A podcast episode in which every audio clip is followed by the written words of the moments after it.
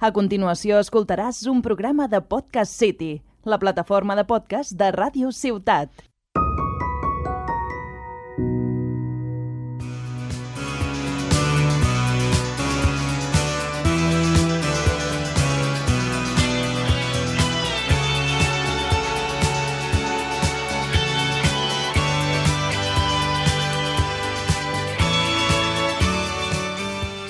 Després de la, de la derrota a la final, que ens deixava sense ascens, costa fer un podcast, però s'ha de parlar de temes que van influir i van condicionar el partit. Dit això, benvinguts a un nou programa del podcast Parlem del Nàstic. Avui parlaré del partit contra el Villarreal B i posarem nota a la plantilla del Nàstic per a valorar aquesta temporada.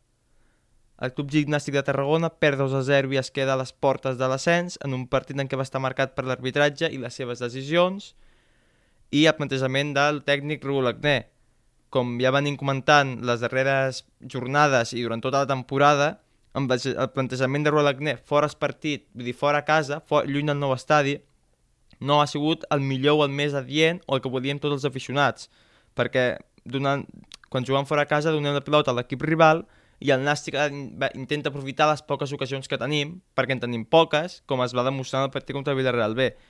De fet, a la primera meitat del partit,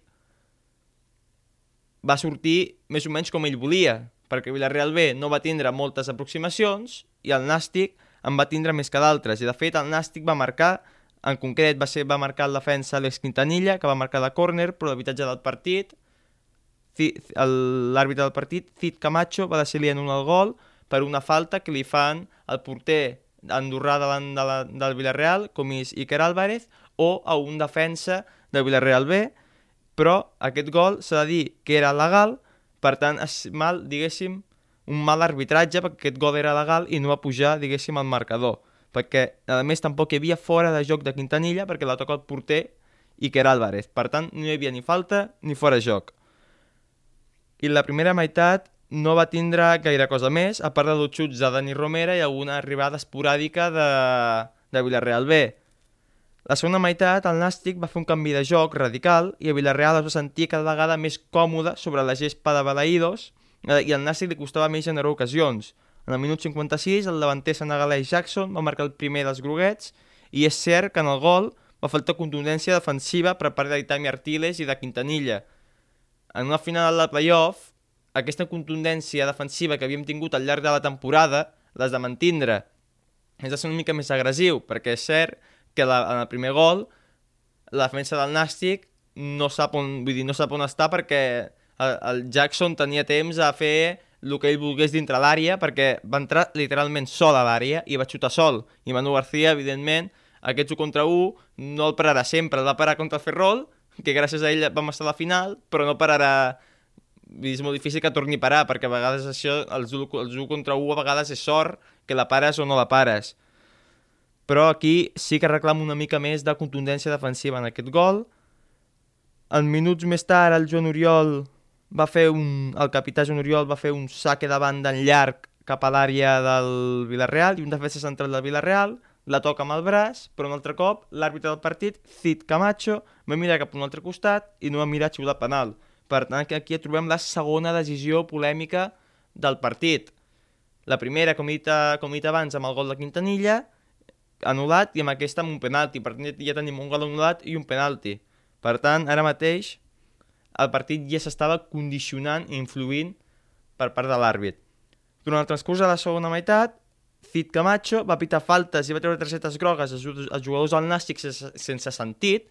Vull dir, ja no només va ser aquestes dues accions polèmiques, sinó va ser durant tot el partit que pitava faltetes que no, que no són faltes. Al final, moltes no són faltes. Per exemple, una que li van treure al defensa Quintanilla, vull dir, va ser un pas en llarg i Quintanilla arribava, va arribar bé la pilota, però Arana, que era el seu davanter, es tira i l'àrbitre va fitar falta i targeta groga al defensa Quintanilla sense ningun tipus de sentit.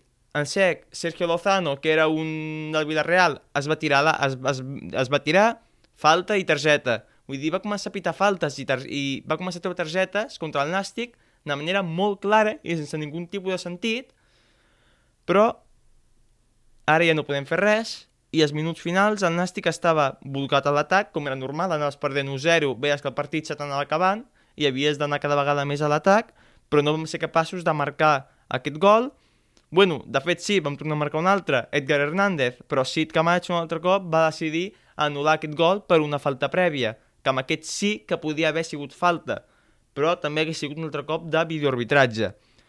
I després ja els minuts finals, a la pròrroga, ai, a la pròrroga, els minuts de descompte, a un contraatac, un altre cop el davanter senegalès Jackson va marcar el segon, i aquí sí que no podíem fer res perquè, com he dit, el Nàstic ha estat envolcat a l'atac, al final és normal que la defensa et cogeixi més els minuts finals si estàs tan a l'atac. Per tant, bueno, aquest segon gol es podia haver estalviat, sí, però el moment decidia, en el moment havíem d'anar cap a l'atac. A l'últim minut, el capità Joan Oriol va rebre l'expulsió i targeta vermella. Tot s'ha de dir que aquesta targeta vermella era clara. Vull dir, al final, jo, Joan Oriol, també aquí l'hagués entès. T'han robat a la teva cara, tu has, has marcat gol, no te l'han xiulat, t'han fet un munt de faltes, al final, quan, vas, quan ja vas 2-0, te cabreges i passa això. Jo, ho hagués, jo també vaig entendre aquesta falta i aquesta targeta vermella, que per mi era clara. I com va dir el tècnic Raúl Agné, a la roda de premsa, Villarreal B és un molt bon equip que juga molt bé, però no li calen favors arbitrals per poder guanyar. El Villarreal B té equip i plantilla per poder guanyar el Nàstic, com el Nàstic també té equip i plantilla per poder guanyar Villarreal B. Era un partit, jo crec, més o menys igualat. Igualat en afició, perquè els dos van portar més o menys aproximadament 1.000 persones, el Nàstic érem, érem algú més que Villarreal B, i en el terreny de joc més o menys estàvem, estàvem igualats, com es va veure a la primera part, però l'àrbit va influir a favor, diguéssim, de Villarreal i en contra del Nàstic. Per tant, és un equip que no li calen ajudes per guanyar. També va dir que si aquesta primera ref vol arribar a ser professional, perquè de mentre s'ha de dir que no és professional, hauria de tindre menys en els playoffs videoarbitratge o bar. Si estem fent uns playoffs per pujar a una lliga de futbol professional com és la segona divisió espanyola, haurien d'haver-hi àrbits que valguin la pena, que siguin mitjanament bons i videoarbitratge. Perquè després aquí trobes que com aquests penaltis i aquests gols te'ls anulen, però segona, aquests gols i aquests penaltis són penaltis i són gols. Vull dir, és tot, totalment el contrari. Per tant, tornem a, torno a, a diguéssim, a persistir en aquestes queixes arbitrals. El president del Nàstic, Josep Maria Andreu, és membre de la Junta de la Real Federació Espanyola i va dir que presentarà la dimissió d'aquesta junta nefasta i problemàtica, diguéssim, encapçalada pel Luis Rubiales i l'argument principal d'aquesta dimissió és els play-offs de merda que s'han fet a, a una punta del país. I el Nàstic ja ha tret comunicat oficial sobre aquesta decisió aquesta, aquesta setmana. I de, per, què, de, per què es va queixar d'aquests playoffs? Perquè s'han fet uns playoffs a una punta del país on, favori, on, on favorien el Deportiu a la Corunya sobretot i el Ferrol. El Nàstic va tindre que demanar més entrades a les semifinals davant el Racing de Ferrol per no jugar al seu camp, per no jugar al seu estadi, per no jugar a Malata. És a dir, aquests playoffs, el, pel Nàstic, aquestes compres de 1.500 entrades li han resultat més un dèficit com, com benefici. I en teoria, uns play-offs és perquè tota la ciutat i perquè els clubs tinguin un benefici. Abans, amb l'anada i la tornada, en un dels dos partits era la teva casa i el Nàstic i altres equips feien benefici. Ara ningú equip fa benefici, ningú equip fa benefici, torno a repetir, ningú equip fa benefici, quasi tots tenen dèficits perquè desplaçar-se de Tarragona a Galícia, desplaçar-se de Vilareal a Galícia, desplaçar-se de Linares a Galícia, desplaçar-se d'Albacete a Galícia. En canvi, el Deportiu de la Corunya s'ha tingut que desplaçar de Corunya a Corunya. No té més. I el Ferrol s'ha tingut que desplaçar de Ferrol a Vigo. No té més. Per tant, són uns playoffs que afavorien, que afavorien clarament el Deportiu de la Corunya i el Racing de Ferrol. I la jugada els ha sortit malament, perquè el Deportiu de la Corunya no ha pujat i el Racing de Ferrol no ha pujat. Però ara, aquest conveni d'Espadiols es va signar per 3 anys, per tant encara queden 2 anys perquè el Deportivo de la Corunya torni a pujar. Vull dir, aquests playoffs s'han fet perquè el Deportivo de la Corunya pugi, no hi ha més. No hi ha més. Com va dir Alex Quintanilla a Twitter, va dir que bueno, no es podia realitzar un playoff a Galícia amb un trio arbitral nefast, de merda que no tenen, cata que no tenen categoria ni de regional. El mateix Quintanilla, el mateix fil de Twitter, va, pro va proposar les queixes i d'aquesta manera va, va, dir, va, pro va proposar queixes cap a la primera ref, com estic dient. I l'altra defensa, Martrilles, va dir de manera més forta, més contundent aquesta opinió sobre aquests playoffs, per tant, des d'aquí, xapó per Quintanilla, perquè va fer un fil a Twitter bastant interessant sobre aquesta, aquests playoffs i aquesta primera ref, que deportivament, com esportivament, com ha dit Quintanilla i com pensem tots, ha pujat, de l'antiga de l'antiga de l'antiga segona havia pujat, però a nivell de televisió, d'afició i d'altres temes, ha baixat clarament el nivell. És a dir, si tu fas una categoria millor esportiva, li has de donar més un benefici que no un, que no un dèficit. I aquest és, és el que ha tingut aquesta primera ref. Ha tingut més dèficit que benefici, com tot està repetint. I això vol dir que algú falla i va malament. Per acabar amb el tema playoff, vull dir que la Federació Espanyola de Futbol, encapçalada per Luis Rubiales, ha sigut una vergonya el que ha fet, com estic repetint. No es poden jugar, com es torno a dir, uns playoffs a l'altra punta del país, quan tu jugues Villarreal B i, i Tarragona, Nàstic de Tarragona, que els dos estan a la franja mediterrània, els hi, fa, els hi faci jugar un dissabte cap a Galícia, no té ningun tipus sentit. Ho pots jugar aquí a prop sense ningú cap de problema. Però bueno, com es torno a repetir, interessava que pugés el Deport La Corunya i per sort, per sort, el Deportiu de la Corunya no ha pujat i es tornarà cada aquí. Perquè ja que fan uns playoffs per, per, per, ja que fan un playoff es fer per tu i no puges. Per tant, el Deportiu de la Corunya es torna cada aquí, al igual que el Nàstic.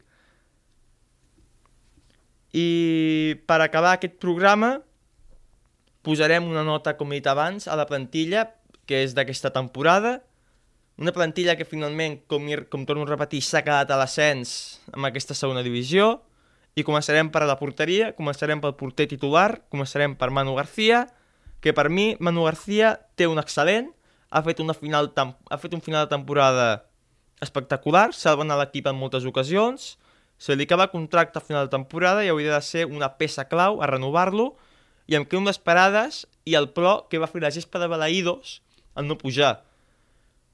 És un porteràs. Manu García, quan, va, quan, quan jo que estava allà a Balaïdos, quan va acabar el partit, estava plorant, però plorant de manera descomunal. El que més? Vull dir, un porteràs que s'ha de quedar aquí la temporada que ve. Pel que fa al segon porter, Gonzi, un B, un, un, un 6, 6 i mig, no ha jugat quasi gens, perquè Manu García és el titular, i quan ha jugat li ha tocat patir i no ha fet mals partits va fer un molt bon partit a la Copa del Rei davant el Linares Deportivo, parant un penal a la pròrroga i acaba el contracte aquesta temporada també. Per tant, trobem que el, tant com el primer i el segon porter acaben contracte. El tercer porter, Mentiquidis, ha jugat 0 minuts, no puc puntuar. Joan Oriol, el capità, un notable alt, temporada espectacular del Cambrilenc, el millor capità possible que pot tindre el Nàstic en, aquest, en aquests moments i actualment. És un líder que fa i genera afició. Espectacular Joan Oriol un altre cop més pel lateral esquerre com ja va ser-ho l'any passat. Acaba contracte i ha de ser peça clau la temporada que ve. Nil Jiménez, fitxatge d'aquest any provinent de l'Espanyol B, li dono un B, també, com a, com a Gonzi, sí, sí, sis i mig. No ha jugat gaire, excepte en aquests playoffs, que ha jugat titular en els dos partits, davant el Ferrol i el Villarreal B, en el Ferrol marcant el gol decisiu, i se li nota que té talent i ganes de demostrar, però ha, ha, ha de fer com una passa més cap endavant i de dir aquí estic jo i puc jugar titular. I té contracte fins 2023. Per a mi s'ha de quedar. Marc Trilles, un notable. Molt bona temporada del, del defensa de, de Vilafames. Central en contundència i ha anat de menys a més. Una llàstima aquesta lesió que va tindre a final, a final de temporada que li ha impedit jugar els últims partits de la temporada i del playoff Espectacular temporada de Marc Trilles. Se li acaba contracte a final de temporada i la seva negociació hauria d'estar a prop. No dic clau, però la seva negociació s'hauria de pensar bastant bé. Quintanilla, central també molt regular, un notable per mi, com Marc Trilles, una mica les mateixes notes, molt regular i dona confiança a la defensa. Acaba contracte a final de temporada i per mi Quintanilla s'hauria de quedar. pel que fa a Itami Artiles, em sap molt de greu per a Itami Artiles, però ha sigut una gran decepció la seva temporada. S'esperava molt més d'ell, venint de la segona divisió, venint de la Unió Deportiva Les Palmes, s'esperava més, i ha fet, i ha fet molt pocs partits bons, i jo no el renovaria, s'ha d'acabar contracte i el més segur és que no, no, no, no és que no renovi, sinó el més segur és que diferents mitjans és que es retiri del futbol. Per tant, moltes gràcies per la teva carrera futbolística que has fet, Aitami Artiles. Ha sigut molt bon davanter, de les, eh, molt bon defensa central de les Palmes, ha jugat al Córdoba en Quintanilla, t'ha retirat al Nàstic, espectacular carrera la que has, fet, la, la que has dut, has jugat a primera, segona, segona B, espectacular, però aquí a Tarragona esperàvem un rendiment una mica més, més alt del que has donat.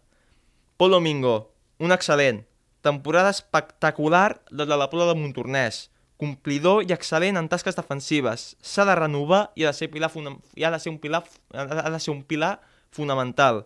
Espectacular la temporada de Pol Domingo. Carlos Albarrán. Ha sigut una temporada difícil, complicada i dolenta de lateral dret de Badalona.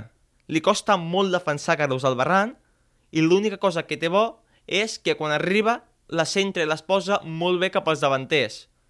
Però en tasques defensives se li nota molt que li costa molt defensar i ha tingut a començament de temporada sobretot unes lesions que va tindre lesió per temporada, no va poder jugar més partits, quan juga després va tornar a recaure, per tant, és un jugador que té contracte fins 2023, però per, per mi se li hauria de buscar una sortida a Carlos Albarrán. Pel que fa Robert Simón, un notable alt, temporada molt bona de la bala de Badalona, molt bon centrador i té contracte fins 2023. Per mi ha sigut un dels millors fitxatges del Nàstic aquesta temporada, per no dir un dels millors. Temporada molt bona de Robert Simón, que ha jugat quasi tot. Bonilla, un notable, temporada bona, excel·lent golpeig de pilota que té el Sobrià i sempre treballa sense queixar-se i és un dels capitans del Nàstic. S'ha de dir que Bonilla està en silenci sempre, però sempre quan entra al camp no és titular, però sempre rendeix Bonilla. Molt bona temporada. Torre del Campo, un altre excel·lent, el tercer, millor fitxatge del Nàstic en els últims anys, ho dic així de clar. Provinent de l'Olot. Genera futbol i joc que era el que el Nàstic necessitava aquests últims anys. Un tio que generés futbol i joc, i l'hem trobat amb Pedro del Campo, un català provinent de l'Olot. No cal anar a la Lliga Francesa a buscar un ni a la Lliga de Sèrbia, com hem fet amb Sirkovic, no cal. Millor fitxatge del Nàstic en els últims anys, un excel·lent, i té contracte fins 2023. Pel que fa a Javi Ribelles, migcampista defensiu, és un jugador vàlid pel Nàstic, és un pop dintre el camp, tècnicament no és, no és el millor, però t'agafa i te recupera moltes pilotes al mig del camp i acaba contacte a final de temporada. Jo me'l quedaria.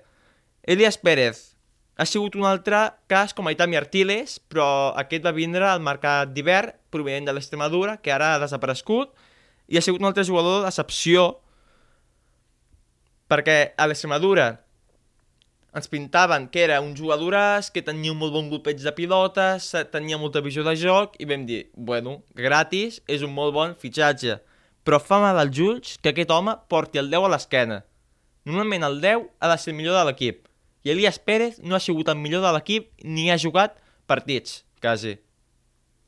Fa mal als ulls que Elias Pérez porti el 10 a l'esquena. I té contracte fins 2023. Yannick Buila, un suficient, aprovat, aprovat allí raspat. Jugador que també ha decepcionat, té talent, perquè es nota que té talent, perquè en alguns partits ho ha demostrat, però no en tots els partits. Ha fet poc. Mm, li recordo un gol amb el Balears, un golàs i poc més. I és un jugador com molt solitari, molt anàrquic, que li agrada molt anar a la seva. Li agrada molt, com té un cos molt, molt potent, amb molta envergadura, li agrada molt anar i fer la seva. Per mi és un jugador decepcionant, però li dono un aprovat. Marc Montalvo, sense nota, és un jugador de la Pola Mafumet que va debutar amb el Madrid Castilla i hauria de ser el futur del mig del camp del Nàstic. Karim El Kouxa, Sense nota, el marroquí ha jugat poc, només uns 30 minuts aproximadament al camp del Cornellà i hauria de, i acaba contracte aquesta temporada i té pinta que no se'l no se quedaran, perquè aquesta, aquesta temporada ja ha estat al primer equip i com estic dient només ha jugat uns 30 minuts al camp del Cornellà perquè Raúl Agné tampoc l'ha ficat quan l'afició potser més a, a començaments de temporada els demanava. Pablo Fernández, un B, un 6 com Gonzi, 6, 6 i mig. Davanter provenent del Cornellà, ha fet gols en partits i moments claus, com a l'última jornada contra l'Alcoyano, i té contracte fins al 2023. Però un davanter se de, se de reclamar més gols. Fernández és un jugador que té lluita, té brega, però li falta gol. Per això no li dono una nota més alta, perquè si hagués marcat més gols hagués donat una nota més alta. Dani Romera. És un davanter que ha vingut a l'hivern, al igual que Díaz Pérez, i ha marcat 7 gols en mitja temporada. Si arriba a estar a, a la primera volta i a la segona, a arribava a 14 gols, cosa que el Nàstic feia molt que no veiem que un tio marqués 14 gols. Estava cedit i se'n va fer una temporada i el més segur és que no torni a vindre aquí perquè les seves prestacions econòmiques són bastant altes perquè vingui aquí. I a Dani Romera jo li poso un notable alt. Temporada molt bona de Dani Romera. Frank Carbia, i donc un B, un 6, 6 i mig. Jugador de la casa, de Sant Pere i Sant Pau. La seva temporada ha sigut de més a menys. Ha sigut revulsiu, però li ha faltat gol en aquest últim tram de la temporada. Va tindre molt de gol en els, en els primers partits, davant el Barça B, ens va, per exemple, me'n recordo que el nou Estella que va marcar, però en aquest últim tram no ha jugat el que ell s'esperava no ha jugat el que l'afició s'esperava i quan ha entrat no ha marcat gols, però ha sigut alguna més de revulsiu. Acaba contracte aquesta temporada. Edgar Hernández, la mateixa nota que Frank Carbia, un B. Jugador que va ser qüestionat al vindre pel seu passat i ha sigut una temporada de més a menys. Mm, aquest, aquesta de més a menys ha sigut per culpa de la lesió que va tindre a meitat de temporada, que el va tindre apartat dels terrenys de joc durant aproximadament un mes, mes i mig, i ha donat gols importants a inicis, a inicis de temporada i acaba contracte també a final d'aquesta temporada. Per tant, aquí estem veient un munt de jugadors que acaben, fin acaben contracte a final de temporada i s'hauria de fer una, una reestructuració i dies que volem i els que no volem, perquè, com estic dient, acaben molts contractes aquesta temporada i pot fer por com quedarà la, la plantilla l'any que ve. Juan Camilo Becerra ha sigut un jugador d'excepció perquè tothom esperava molt més d'ell, no ha agradat a Acné ni a l'afició i només ha marcat un gol i va ser contra el Castelló, aquí a casa, que vam quedar 3 a 1. Torna a Pontferrada després de la seva sessió. I Valverde li dono sense nota, perquè ha jugat els últims minuts en el partit, en el partit de casa davant l'Andorra, que com ja podem recordar van perdre de manera clara i concisa 3 a 0. I ara, ja per acabar aquest programa, diguéssim, mirarem vull dir, repassarem els jugadors disponibles que tindrem, que, que tindrem disponibles per a la temporada següent. Perquè, com estic dient, s'acaben molts contractes i en venen alguns cedits que els podem, diguéssim, repescar i utilitzar. A la porteria B, Che Kane Sar és un jugador, és un porter que no ha jugat aquí al Nàstic, però que va estar cedit al Granada, fila del Granada, torna a vindre, dubto que es quedi, es queda Benetiquidis, Dubto molt que es torni a quedar el Benetiquidis. Pol Domingo es queda la temporada següent, si no és que fitxa algun equip. Per tant, jo Pol Domingo, sí, renovar, peça clau, capità, sí o sí Pol Domingo, lateral dret, Nil Jiménez, el que ara el tenim, lateral esquerre, que el col·loquen, però bueno, jo el col·loco més com a interior esquerre, Carlos Albarran es queda, que Carlos Albarran a l'afició no li agrada, però ell està còmode aquí. Per tant, ja veurem a veure què fan. Jai Bonilla es queda, Elias Pérez encara té contracte, torna de l'Ebro, de la sessió que van fer l'Ebro, Òscar Sanz, i des d'aquí Òscar Sanz ha de jugar la següent temporada al Nàstic més partits com a titular. A l'Ebro ha fet una, un temporador a l'Ebro, ha sigut un dels millors, per no dir el millor, del conjunt de Saragossa ha estat una temporada espectacular Òscar Sanz i a més és d'aquí de la casa, que va vindre de Podoma Fumet. Després tenim a, Pablo Fernández, me'l quedava. Tenim a Pedro del Campo, espectacular, com he dit abans, me'l quedava. Robert Simón encara el tenim, me'l quedava. Torna de la sessió Pol Ballesteros. La sessió era al Badalona, el Badalona no ha acabat de fer el pes, com aquí al Tarragona. A més, el Badalona ha baixat de categoria. Per tant, és un jugador que li podem donar una última oportunitat aquí al Nàstic per a veure si demostra el seu joc, com ja va, de, com ja va demostrar amb Saligrat, a la, quan estava Saligrat, que era un revulsiu molt bo.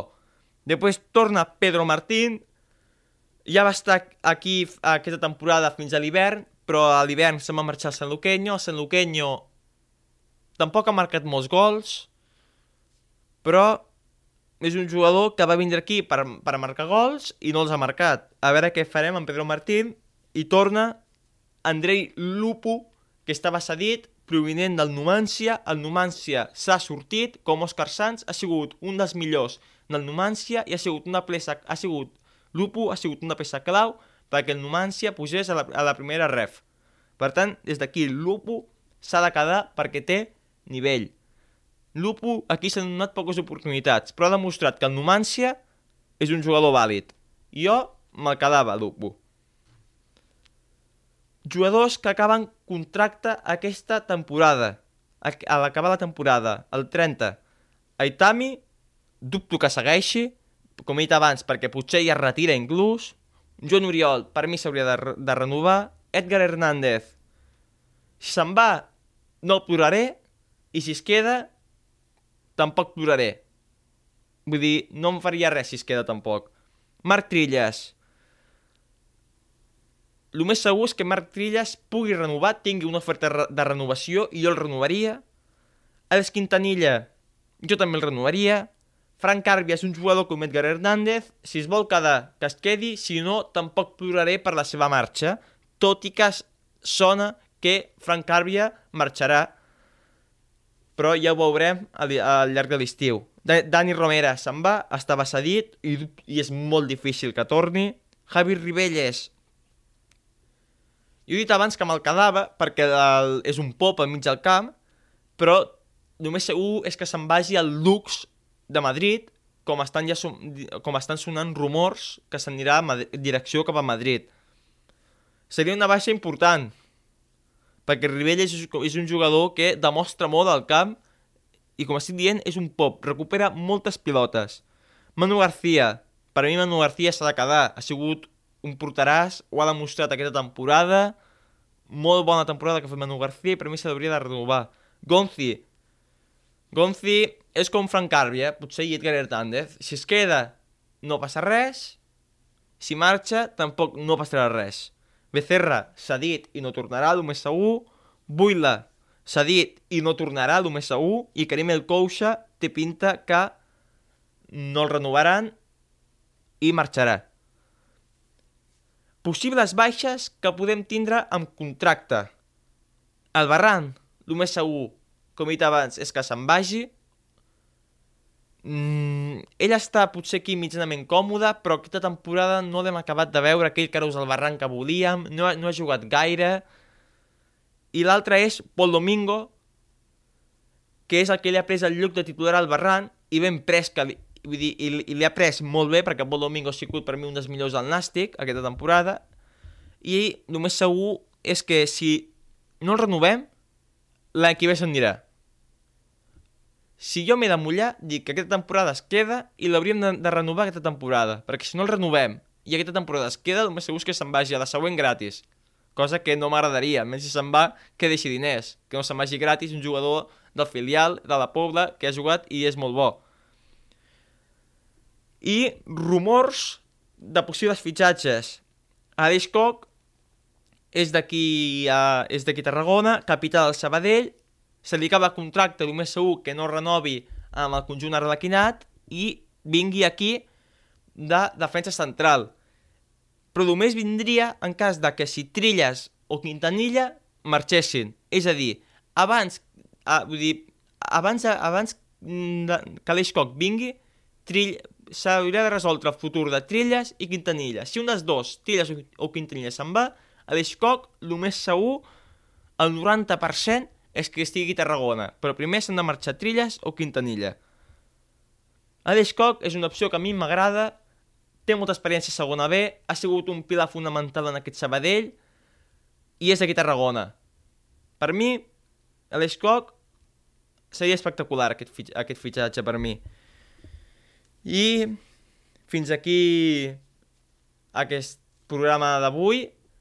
Gràcies, mm, gràcies per escoltar-nos un dia més aquí al podcast Parlem del Nàstic i esperem que l'any que ve puguem tornar a vindre en aquest programa perquè i aconseguir aquest ascens que aquesta temporada ha costat però, i no l'hem aconseguit, però s'hem quedat a les portes, a 90 minuts hem quedat, bé qui diu, i esperem tornar al programa l'any que ve amb un ascens. I gràcies de nou per escoltar-nos aquí al podcast Parlem del Nàstic.